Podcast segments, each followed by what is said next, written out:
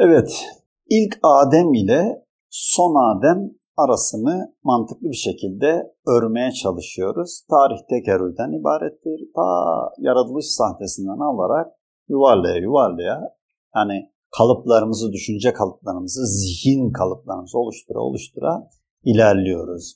Peki İblis ile Adem'in mücadelesinde an itibariyle neredeyiz? İki tane sorunun cevabını netleştirmemiz lazım şimdi. Yani İblis ile Adem'in mücadelesinde neredeyiz? Hangi dönemdeyiz? Bu birinci sorumuz. İkinci sorumuzda bu mücadelede İblis'in atacağı en önemli adım, İblis'in kazanacağı en önemli strateji nedir? En büyük adım nedir? Bu iki sorunun cevabını da vermeye çalışalım. Birinci soru neredeyiz? Şimdi çok ana hatlarıyla söylersek Hz. Muhammed Aleyhisselatü Vesselam Efendimiz son peygamber. Son peygamber olduğuna göre son peygamberden sonra başka bir peygamber gelmeyecek. Demek ki Hz. Muhammed'in ümmeti bir müddet yaşadıktan sonra kıyamet kopacak. Yani tarihin sonu gelmiş olacak. Son peygamber olduğuna göre dönemde son dönem demek. Ahir zaman dersek bu halk arasında daha kolay anlaşılır. Ahir zaman demek son dönem demek zaten. Ahir zamandayız, son dönemdeyiz. Son mücadelenin son zamanındayız. Peki bu tarihin sonu dediğimiz son yani o kıyamet, o son saat diyelim ona. Saat yani işte e, yıldızlar döküldüğü zaman, dağlar hallaç pamuğu gibi atıldığı zaman, işte e, di, dişi develer sarı ve salı verildiği zaman sular kaynatıldığı, denizler kaynatıldığı zaman o saatten bahsedilir ya Cenab-ı Allah. O son saatte göre ona nispeten ona ne kadar yakınız sorusunun cevabını ise tarih olarak veremiyor. Tarih takvimlerdeki tarih olarak veremiyor. Neden? Çünkü bizim tarih dediğimiz şey mesela 19 bin, ne diyoruz? 2020, 1980. Bunlar nedir? Hz. İsa Aleyhisselam'ın doğumunu sıfır olarak kabul ediyoruz. O doğumundan itibaren güneşin, dünyanın güneş etrafında kaç defa döndüğünü sayıyoruz. Hz. İsa Aleyhisselam'ın doğumundan itibaren günümüze kadar dünya güneşin etrafında 2020 kez dönmüş. Yani burada ne var? Bir fonksiyon. Biz buna bunu takvimlendiriyoruz. Takvim derken tarih verebilelim derken bu dönüşlerden bahsediyoruz. Aslında bunlar bu mekanik dönüş sayılarıdır. Halbuki farklı bir bakış açısı bize gerekiyor. Mekanik dönüş sayılarından ziyade bize olaylar zinciri. Çünkü bütün olayların bir sebep ve sonuç ilişkileri var. Yani şu olacak, bu bunun sebebi olarak ondan sonra şu olacak. Bu bunun sebebi olarak ondan sonra şu olacak. Yani e, bir torun olabilmesi için önce babanın olması gerekiyor. Ondan önce de dedenin olması gerekiyor. Bunun gibi. Yani dede önce olacak ki baba olsun. Baba olacak ki çocuk olsun. Çocuk olacak ki diyelim ki torun olsun. Yani bu zincir böyle gidecek. Şimdi dolayısıyla biz mekanik dönüş sayılarına, gök cisimlerinin dönüş sayılarına dayalı olarak tarih vermek çok zor. Onları bile o ayrı bir ilim istiyor. Ayrı bir çalışma gerekiyor. O zaman bize ne kalıyor?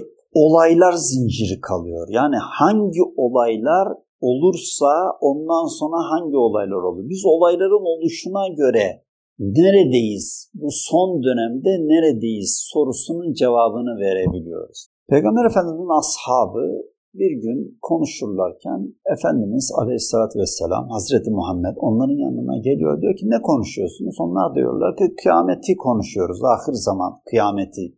Kendisi de çok meşhur bir hadistir. Birçok yerde bulabilirsiniz. Şu 10 olay olmadan kıyamet kopmuyor. Yani son saat gerçekleşmiyor. Nedir o 10 olay? Duhan, gökyüzünü bir dumanın kaplaması, bir bulutun kaplaması. Deccal, dabbetül arz yani yerden bir dabbe çıkacak. Güneşin batıdan doğması, Meryem oğlu İsa'nın inişi, Yecüc ve Mecüc'ün çıkışı, Yemen'den bir ateşin çıkması ve insanları Şam'a doğru sürüklemesi, orada çok büyük bir savaşın Armagedon'un olması ki onu öyle deniyor ya da Melhemetül Kübra e, diyoruz.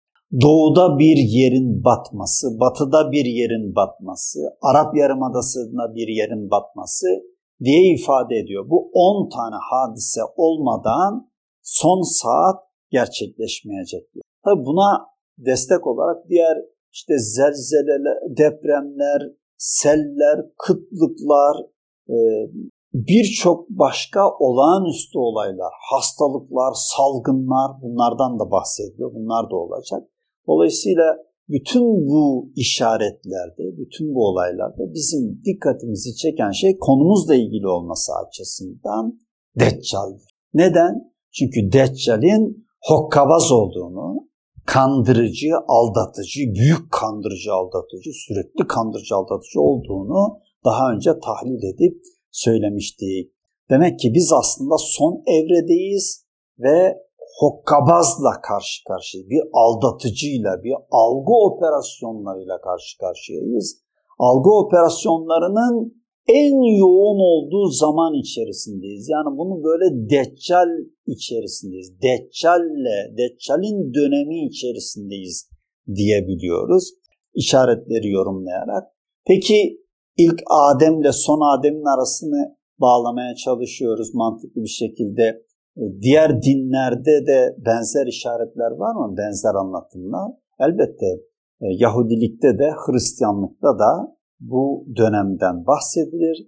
Yahudilikte önce bir kargaşa dönemi, daha sonra bir hikmet ve şeriat dönemi, daha sonra da Mesih, Meşiha dönemi olarak adlandırılan bir üç bölümden bölümde ifade edilen dönem şeyler vardır, bir süreç vardır. Mesih dönemi Armagedon savaşından sonra gerçekleşecek olan, o büyük savaştan sonra gerçekleşecek olan dönemdir. Böyle ifade edilir. Keza aynı şekilde Hristiyanlıkta da bir yaratılış öncesi dönem, sonra yaratılış, Adem'in yaratılışıyla İsa Aleyhisselam zamanına kadarki dönem, onun inişine kadarki dönem, ondan sonra da İsa Aleyhisselam ile Mesih İsa'nın dönemi ki ebede kadar, ebediyete kadar devam edecek dönem olarak kabul edilir. Yani burada her üç dinde, Yahudilikte de Hristiyanlıkta da bir ahir zaman ve özellikle Yahudilik ve Hristiyanlıkta Mesih döneminin büyük bir savaş sonrası ki buna Armagedon deniyor, savaş sonrası başlayacağına dair ellerinde oldukça işaretler vardır.